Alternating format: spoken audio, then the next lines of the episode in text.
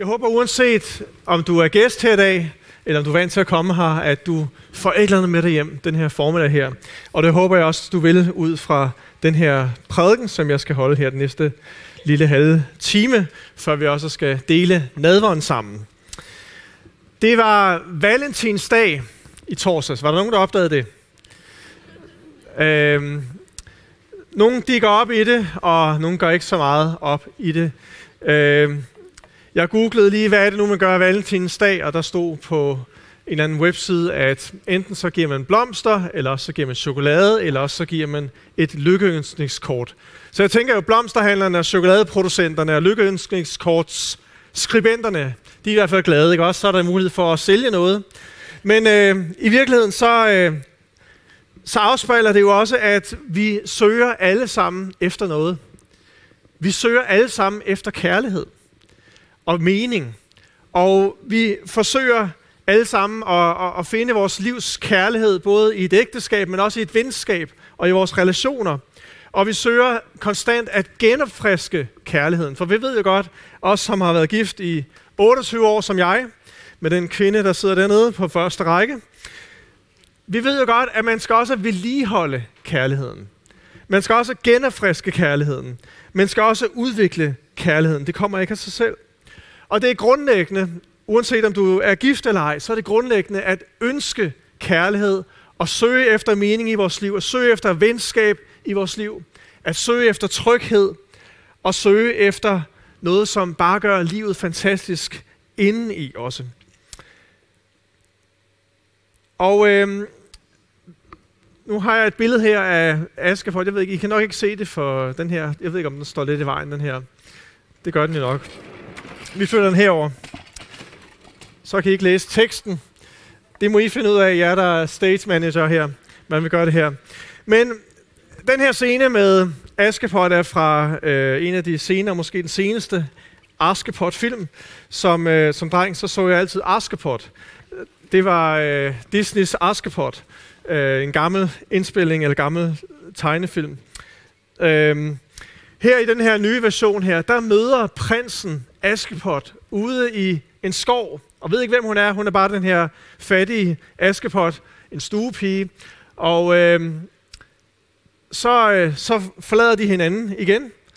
Og så først senere i den her fortælling, så kommer Askepot i aller sidste time til det her store bal, som prinsen han har indbudt til, for at kunne finde sin udkårne.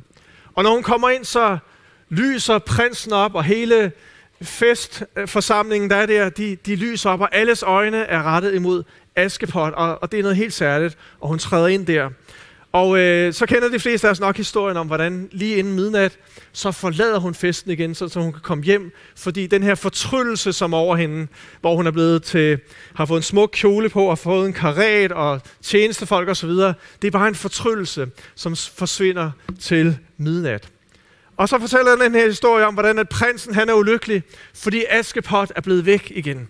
Hun var bare inde på scenen i hans liv, et lille øjeblik uden skov, og så dukker hun op igen til hans fest, og øh, nu er hun væk igen, og nu begynder han at søge efter hende, fordi han har den ene af hendes sko, og vil finde ud af, hvad er det for en kvinde i det her kongerige, som kan passe den her sko her.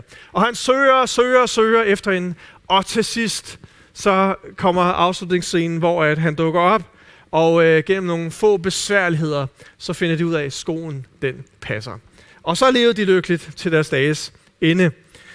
Øhm, men nu er jeg jo en mand, så jeg bryder mig egentlig ikke om at stå og fortælle om Askepot. Altså, øh, jeg, jeg, jeg, jeg, og jeg var ikke særlig romantisk, da jeg fandt min kone for 28 år siden. Det skal jeg hilse at sige.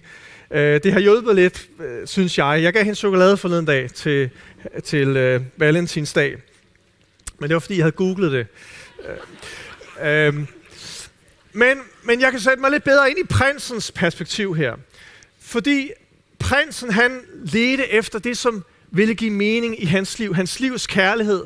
Det, som ville tilfredsstille de dybeste længsler og det dybeste behov i hele hans menneske.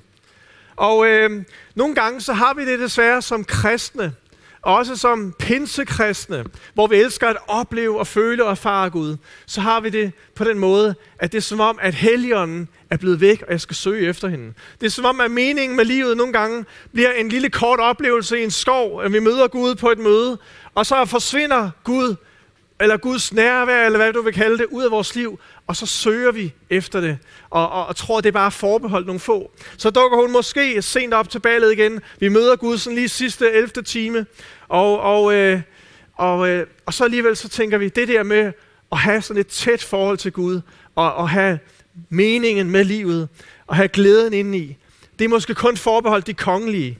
Det er måske kun forbeholdt prinsen og Askepot. Men hvad med mig? Har jeg lov til at opleve, at Gud han er tæt på i mit liv? Har jeg lov til at opleve, at øh, jeg faktisk af hele mit hjerte kan løfte mine hænder, som vi gjorde det her i dag, og sige, Gud han er god, og sige, Jesus er med mig, og vi kan proklamere nogle fantastiske ting, når vi er til Guds tjeneste. Men følges det med dig og mig i vores hverdag? Har vi også oplevelsen af, at Gud han er stærkt til stede i mit liv? Og øh, jeg må indrømme, det har jeg ikke altid. Og jeg er sikker på, at hvis du har det ligesom mig, og du er et helt almindeligt menneske, så har du det heller ikke altid. Og faktisk, så kan vi nogle gange komme til at gå glip af nogle dimensioner af kristenlivet, af det åndelige liv, som Gud ønsker, vi skal leve i. Fordi at vi tror, at det åndelige liv og den her store mening bare kommer i sådan nogle små glimt, ligesom Askepot, der kommer ind på scenen, og så er hun ude igen. Jeg har kaldt den her prædiken for en rigere spiritualitet. Du må gerne skifte, William, til den næste. En rigere spiritualitet. Kan vi alle sammen sige spiritualitet? Og spiritualitet, det kommer af det latinske ord spiritualis, som betyder åndelighed. Det refererer til det indre liv, du og jeg har. Man bruger det også øh, uden for spirituelle sammenhæng i dag om, hvordan, hvordan går det med os? Hvordan har vi det egentlig indeni?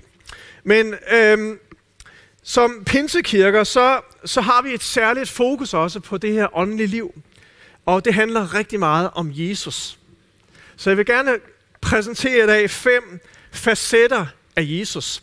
Og hvordan han vil påvirke og influere dit og mit åndelige liv. Sådan så vi oplever den her mening i vores hverdag. Og øh, pinsekirker øh, tror på de oldkirkelige bekendelser, de trosbekendelser, som man også øh, citerer hver formiddag eller hver søndag i folkekirken. Og, og vi har sådan en almindelig kristen teologi.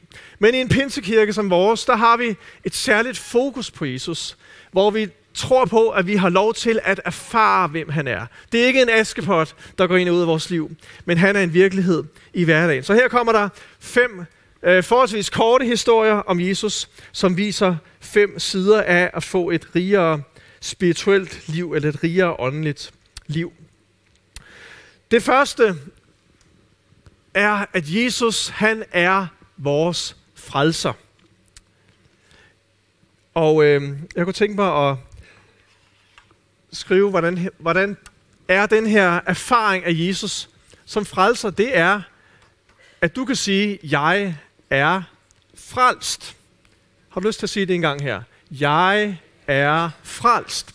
Den erfaring ønsker Jesus, at vi alle sammen skal få lov til at opleve. Og øh, i Johannes evangeliet kapitel 3, der sidder Jesus en sen nat sammen med en fariser, som hedder Nikodemus, som har opsøgt Jesus og gerne vil vide noget mere omkring, hvem Jesus er og hvad frelsen er. Og her der siger Jesus noget rigtig vigtigt.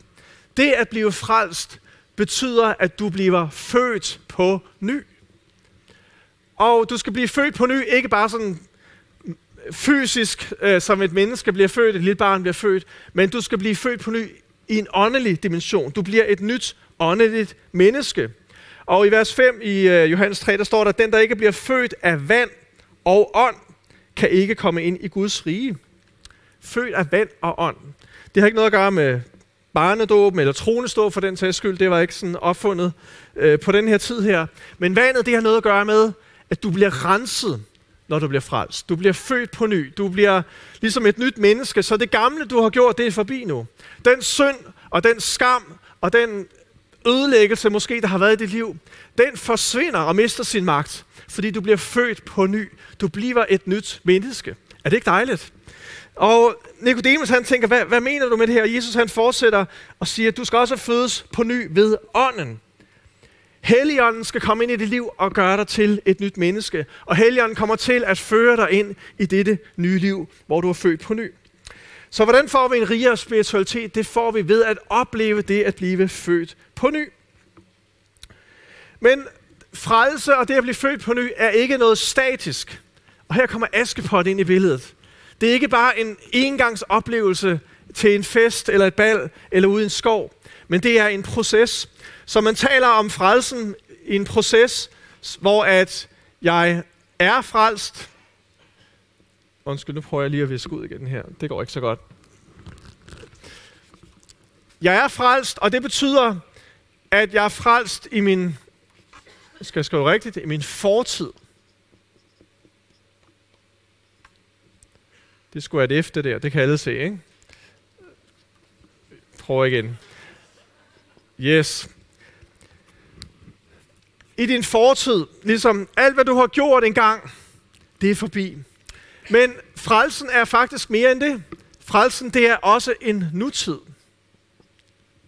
Fordi Bibelen taler om, at jeg ikke bare er frelst og er blevet frelst engang, men jeg skal frelses. Jeg skal arbejde på min frelse med frygt og bæven, siger Paulus. Og Peter siger videre også, at vi skal arbejde på vores frelse, fordi vi skal stå foran Jesus en dag. Så det er faktisk også en proces, jeg er i nu.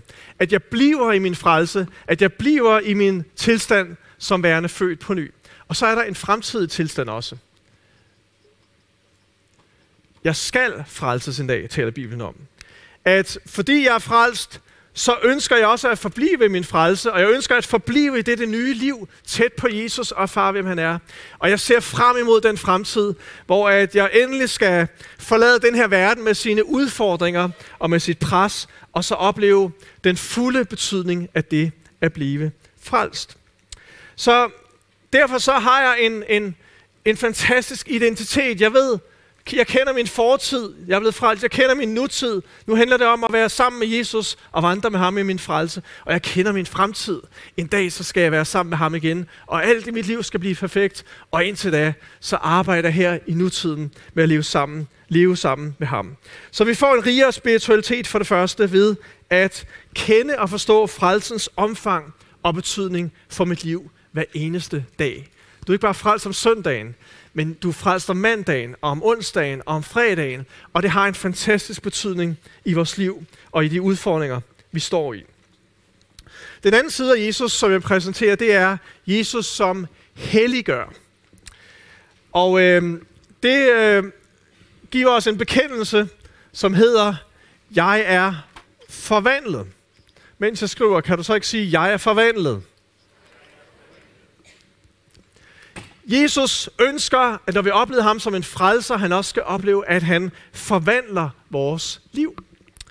I Johannes 13, der læser vi om noget af det sidste, som Jesus han gjorde sammen med sine disciple.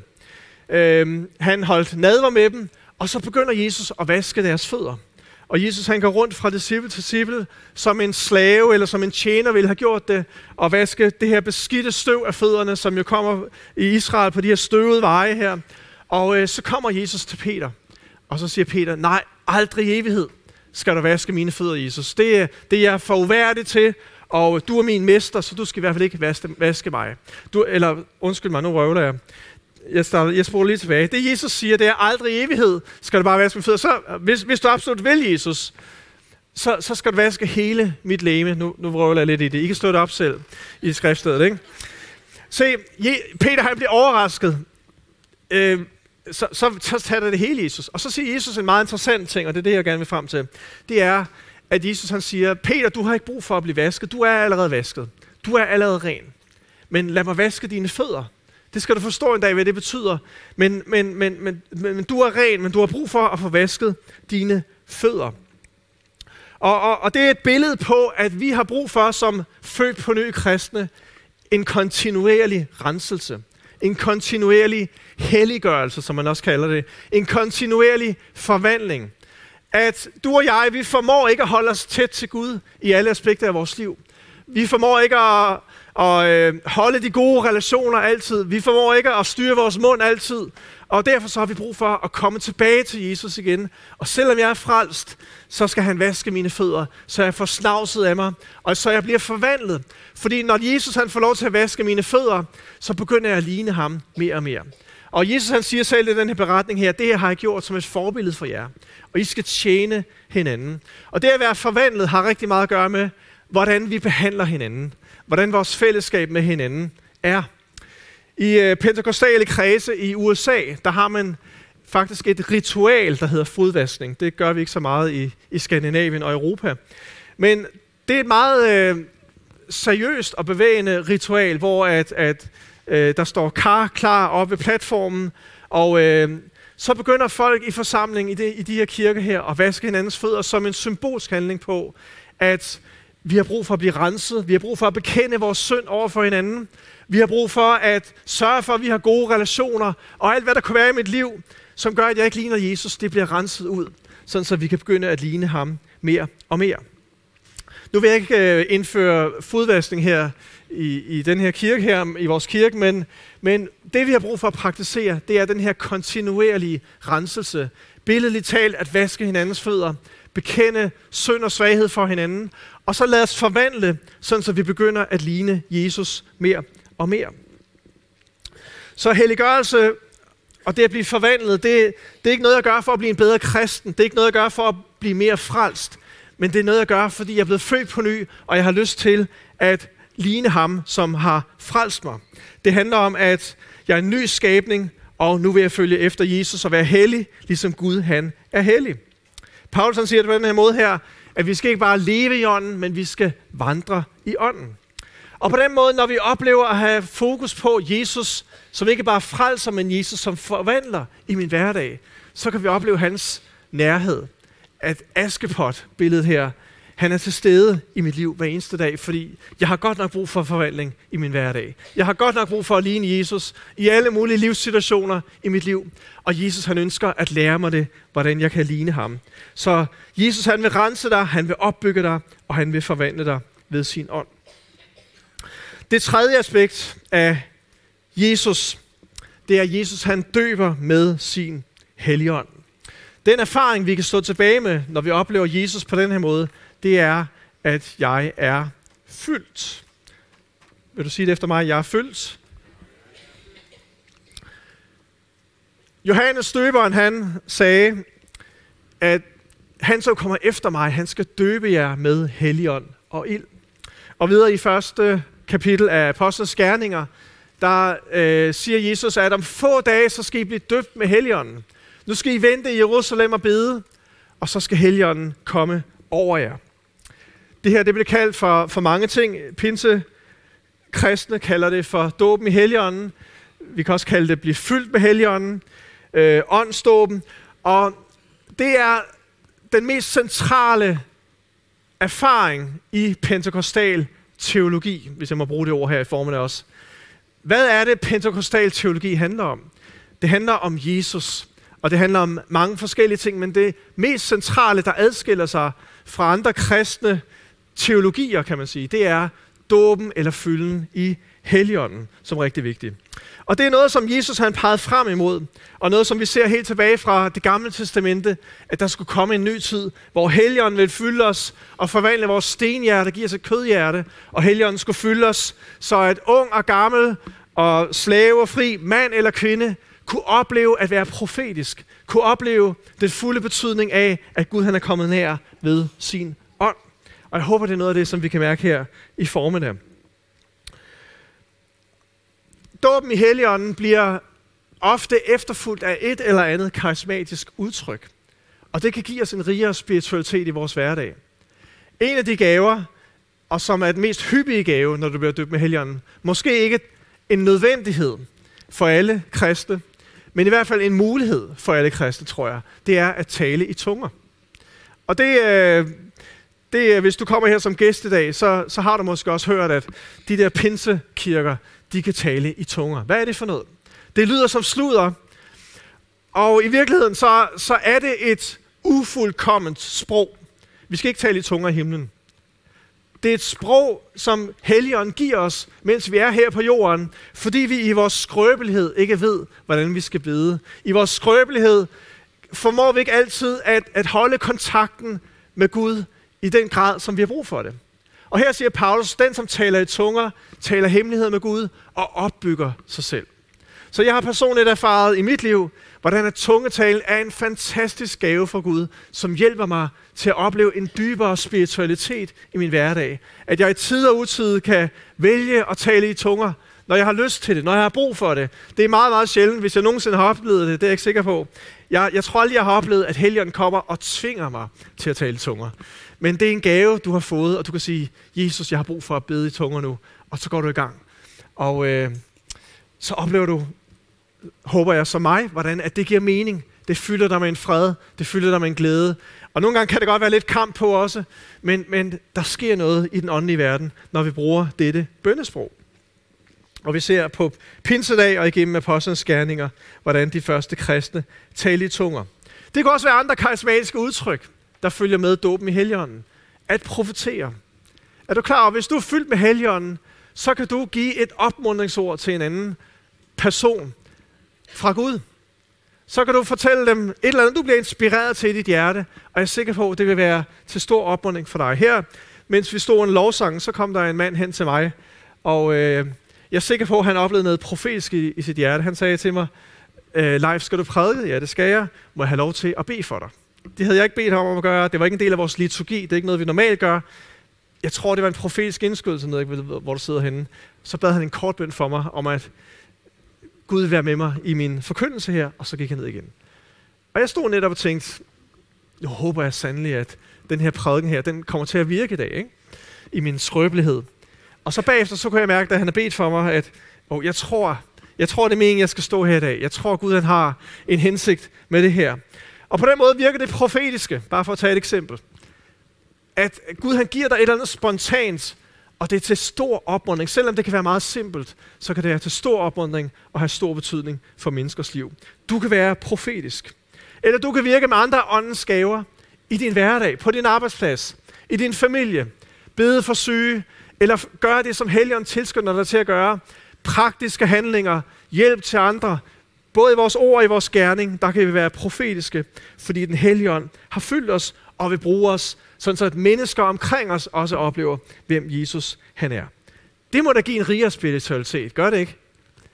Så pas på, at du ikke bliver som Askepot her igen, historien om Askepot, og tror, at det her med at være profetisk, det her med at tale i tunger, det her med at opleve noget overnaturligt fra helgenen, at det bare er forbeholdt nogle få.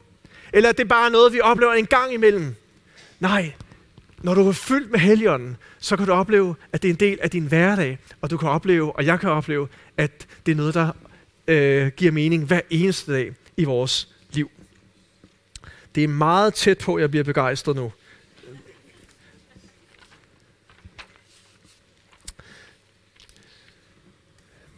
Det fjerde aspekt af Jesus, som jeg vil præsentere her i dag. Jeg klarer det egentlig meget godt med tiden, synes jeg, kan jeg se. Så bare roligt, vi har styr på det. Se, det er Jesus som helbreder.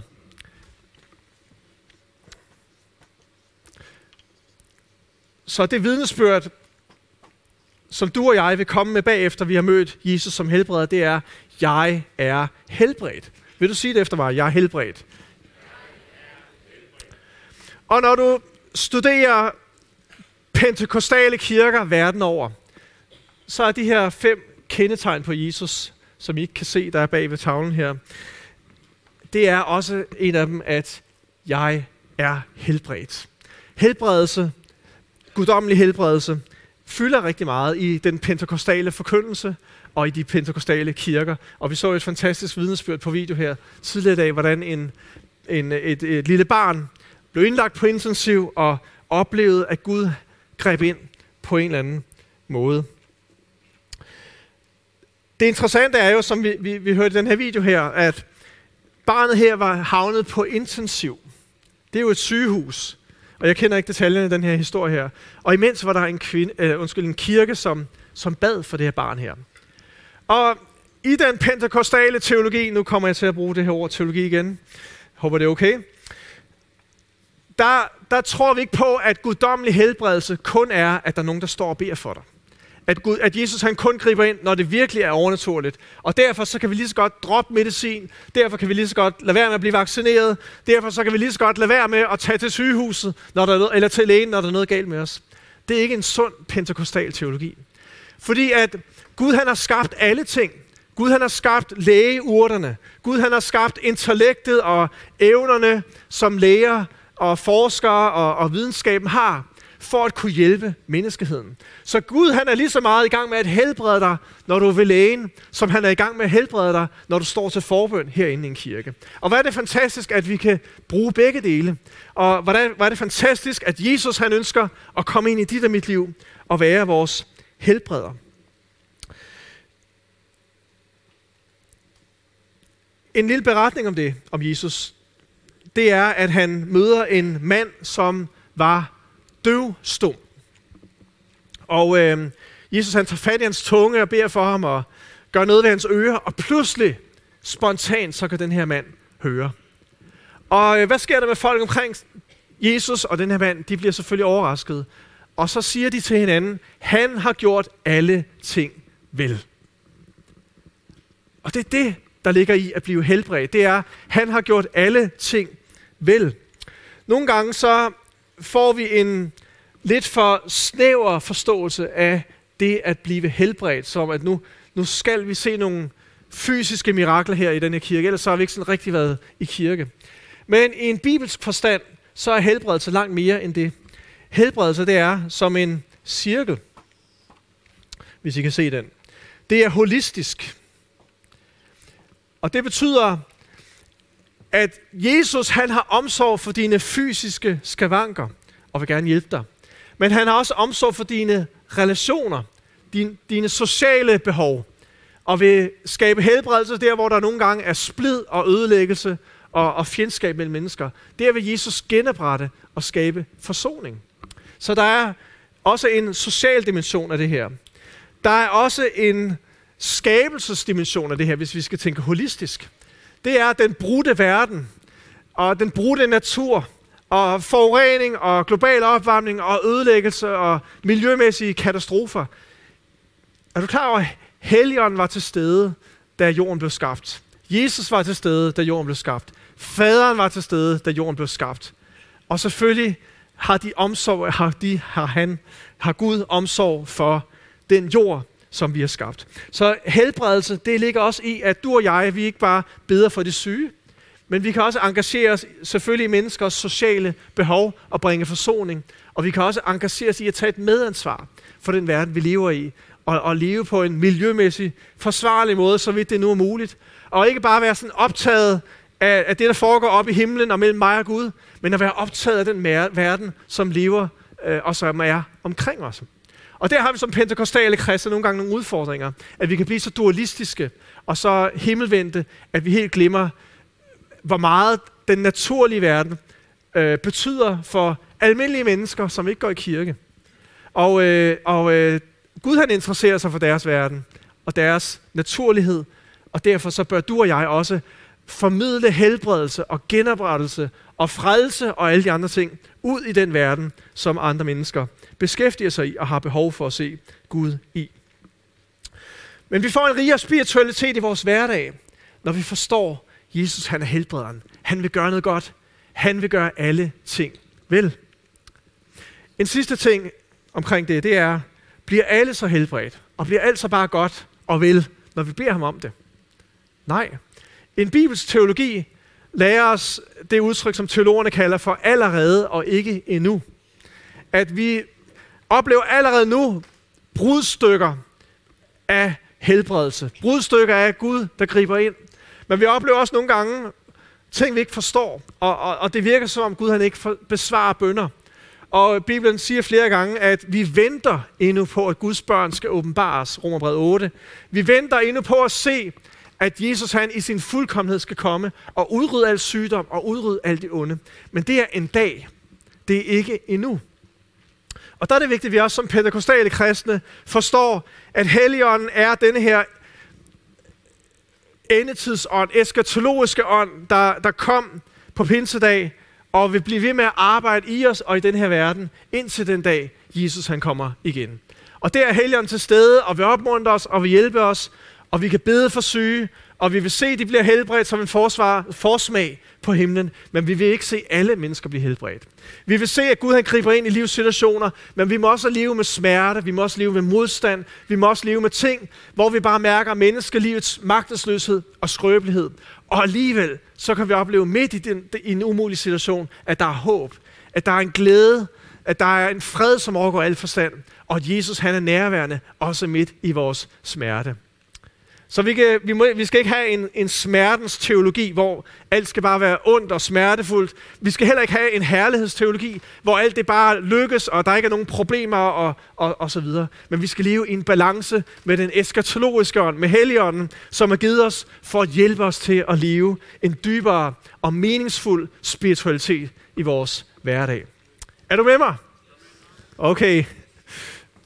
Det sidste, den sidste aspekt er Jesus, det er Jesus som den kommende konge. Og de her fem aspekter er de fem mest kendetegnende aspekter af den globale pentekostalisme, som tæller 5-600 millioner øh, kristne i dag. Der hvor du finde på en eller anden måde, at de her fem tegn, eller fem øh, udtryk fra Jesus til stede. Den sidste, Jesus som den kommende konge. Og det, at Jesus han er den kommende konge, det giver os en erfaring af, at jeg er sendt. Det skal jeg forklare det. Vil du ikke sige, at jeg er sendt?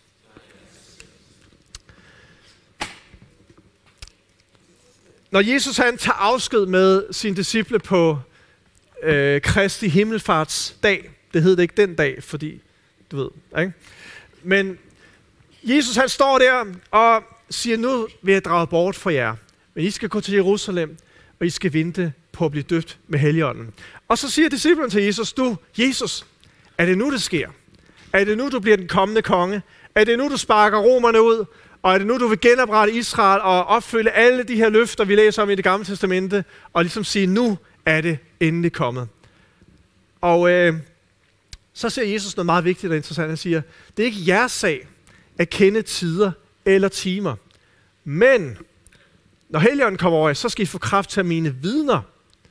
Og det skal I være helt til jordens ende og helt til verdens ende. Så i virkeligheden, samtalen om noget, som vi i øvrigt ikke taler så meget om, Jesu genkomst, det er ikke en samtale så meget om Jesu genkomst. Men det er en samtale om, hvordan kan jeg være sendt i helgens kraft? Fordi Jesus han sagde jo, lad nu være med at spekulere over alt det her med, hvornår det skal ske, eller hvordan det skal ske. Og i stedet for at forstå, at I er sendt. Pentekostale kristne, jeg er tredje generations pinsekirke, følger, medlem, hvad man kalder det. Og øh, igennem øh, min opvækst, så har jeg hørt flere øh, interessante prædikner om Jesu genkomst. Og øh, flere gange har vi troet, at Jesu genkomst var sådan lige om hjørnet kunne, det godt, kunne man godt høre, blev antydet i, i forkyndelsen. Og, og så kan man sådan leve sådan en, en, en, på en desperat måde, og man kan tænke, jamen, så er menneskelivet jo sådan lidt ligegyldigt, ikke også? Og det der med social arbejde er ikke så vigtigt, fordi at vi skal bare nå at få frelst nogle mennesker. Og, og, og, og det der med, at jeg tager vare på min familie og min økonomi og, og det normale menneskeliv, det er sådan lidt underordnet, fordi nu kommer Jesus igen lige om hjørnet. Og, og så, bliver vi sådan, så får vi sådan en desperat og faktisk usund livsstil at, at leve på. Øhm, jeg har også hørt øh, undervisninger om, hvordan at øh, øh, EU, det skulle være romeriet, og øh, den næstkommende præsident, han bliver altid udråbt som værende den kommende antikrist ikke, i USA. Og, og, øh, og vi kan have så mange spekulationer. Men jeg tror, at Jesus han prøver på at sige til os her, at at selvom han et andet sted siger, at vi skal være opmærksom på tidernes tegn, så tror jeg her, at han ved sin himmelfart fortæller os, at det allervigtigste, det er, at du og jeg er, forstår, at vi er sendt i Helligåndens kraft ind i den her verden, ind til den dag, han kommer igen. Så vi skal leve vores liv i lyset af Jesu genkomst. Vi skal leve vores liv i lyset af, at en dag, der skal hele den her jord og verden i sin forkrænkelighed forvandles til at blive en ny himmel og en ny jord, Det er endemålet. Det er det ultimative, Gud han vil gøre, og det er fantastisk. Men vi skal ikke leve ude i fremtiden. Vi skal leve i nuet. Sammen med Jesus og forstå, jeg er en ambassadør for hans rige, og jeg er blevet fyldt med ham. Igen, jeg er blevet fyldt med den eskatologiske ånd. Den her endetidsånd, den her ultimative helligånd, hvor at Jesus han er i himlen hos faderen. Men Helligånden er i dig og mig, som tror og som er blevet fyldt af hans Helligånd. Og den har udrustet dig og mig til at leve i en dybere spiritualitet i vores hverdag. Og til at leve med en dybere mening i vores hverdag. Om det så er på din... Du, du synes, dit arbejde er dødssygt og kedeligt. Jeg kan love dig for, helgen er på din arbejdsplads. Og jeg kan love dig for, at selvom du synes, at du er ingenting og ikke har noget at byde på, hvis du er fyldt med helgen, så lover jeg dig, helgen gør mange ting igennem dig, som du ikke aner. Og hvis du er lidt frimodig også og siger, Helligånden, brug mig, så kan jeg også love dig for, at Helligånden vil begynde at bruge dig i en langt større grad som en ambassadør for Kristi rige. Det er næsten til at blive begejstret over, og synes, at det var fantastisk.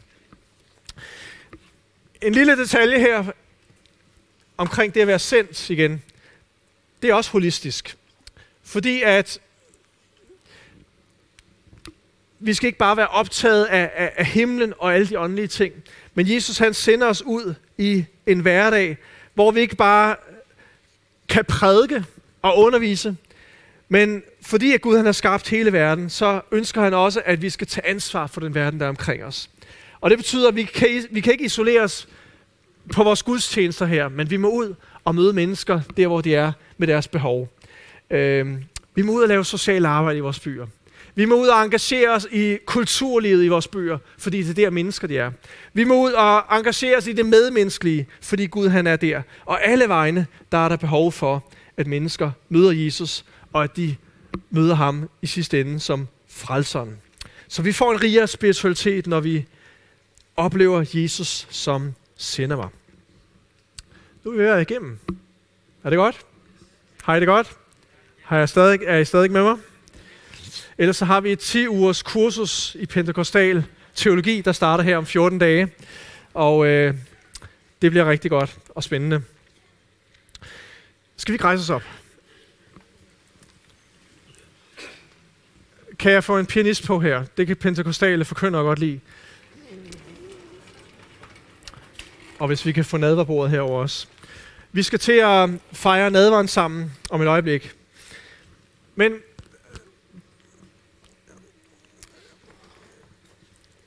jeg har brug for at opleve en dybere spiritualitet i mit liv. Jeg kan så nemt blive optaget af andre ting og, og, og få travlt, så jeg helt glemmer de her fem dimensioner af Jesus, som han ønsker, jeg skal erfare i min hverdag. Og jeg tror, du har det på samme måde. Lad os ikke gå glip af det, som i historien om Askepot. Prinsen, der bare oplever, at Askepot kommer flygtigt ind. Men det er en hverdag, som Jesus han har skabt og kaldet os til at erfare, at han er en virkelighed. Vi kan få en fuld oplevelse af, hvem Jesus han er. Og i din livssituation, uanset hvad du står med her i dag, om det er sygdom, om det er et behov for at blive frelst og blive født på ny, om det er et behov for at blive fyldt med helligånden igen, om det er et behov for at forstå meningen med din hverdag, at du er sendt ud i din hverdag, og hvad er det, Gud han vil gøre igennem dit liv? Uanset hvad, så er Jesus her ved sin ånd. Og han ønsker at betjene os. Han ønsker at vaske dine fødder.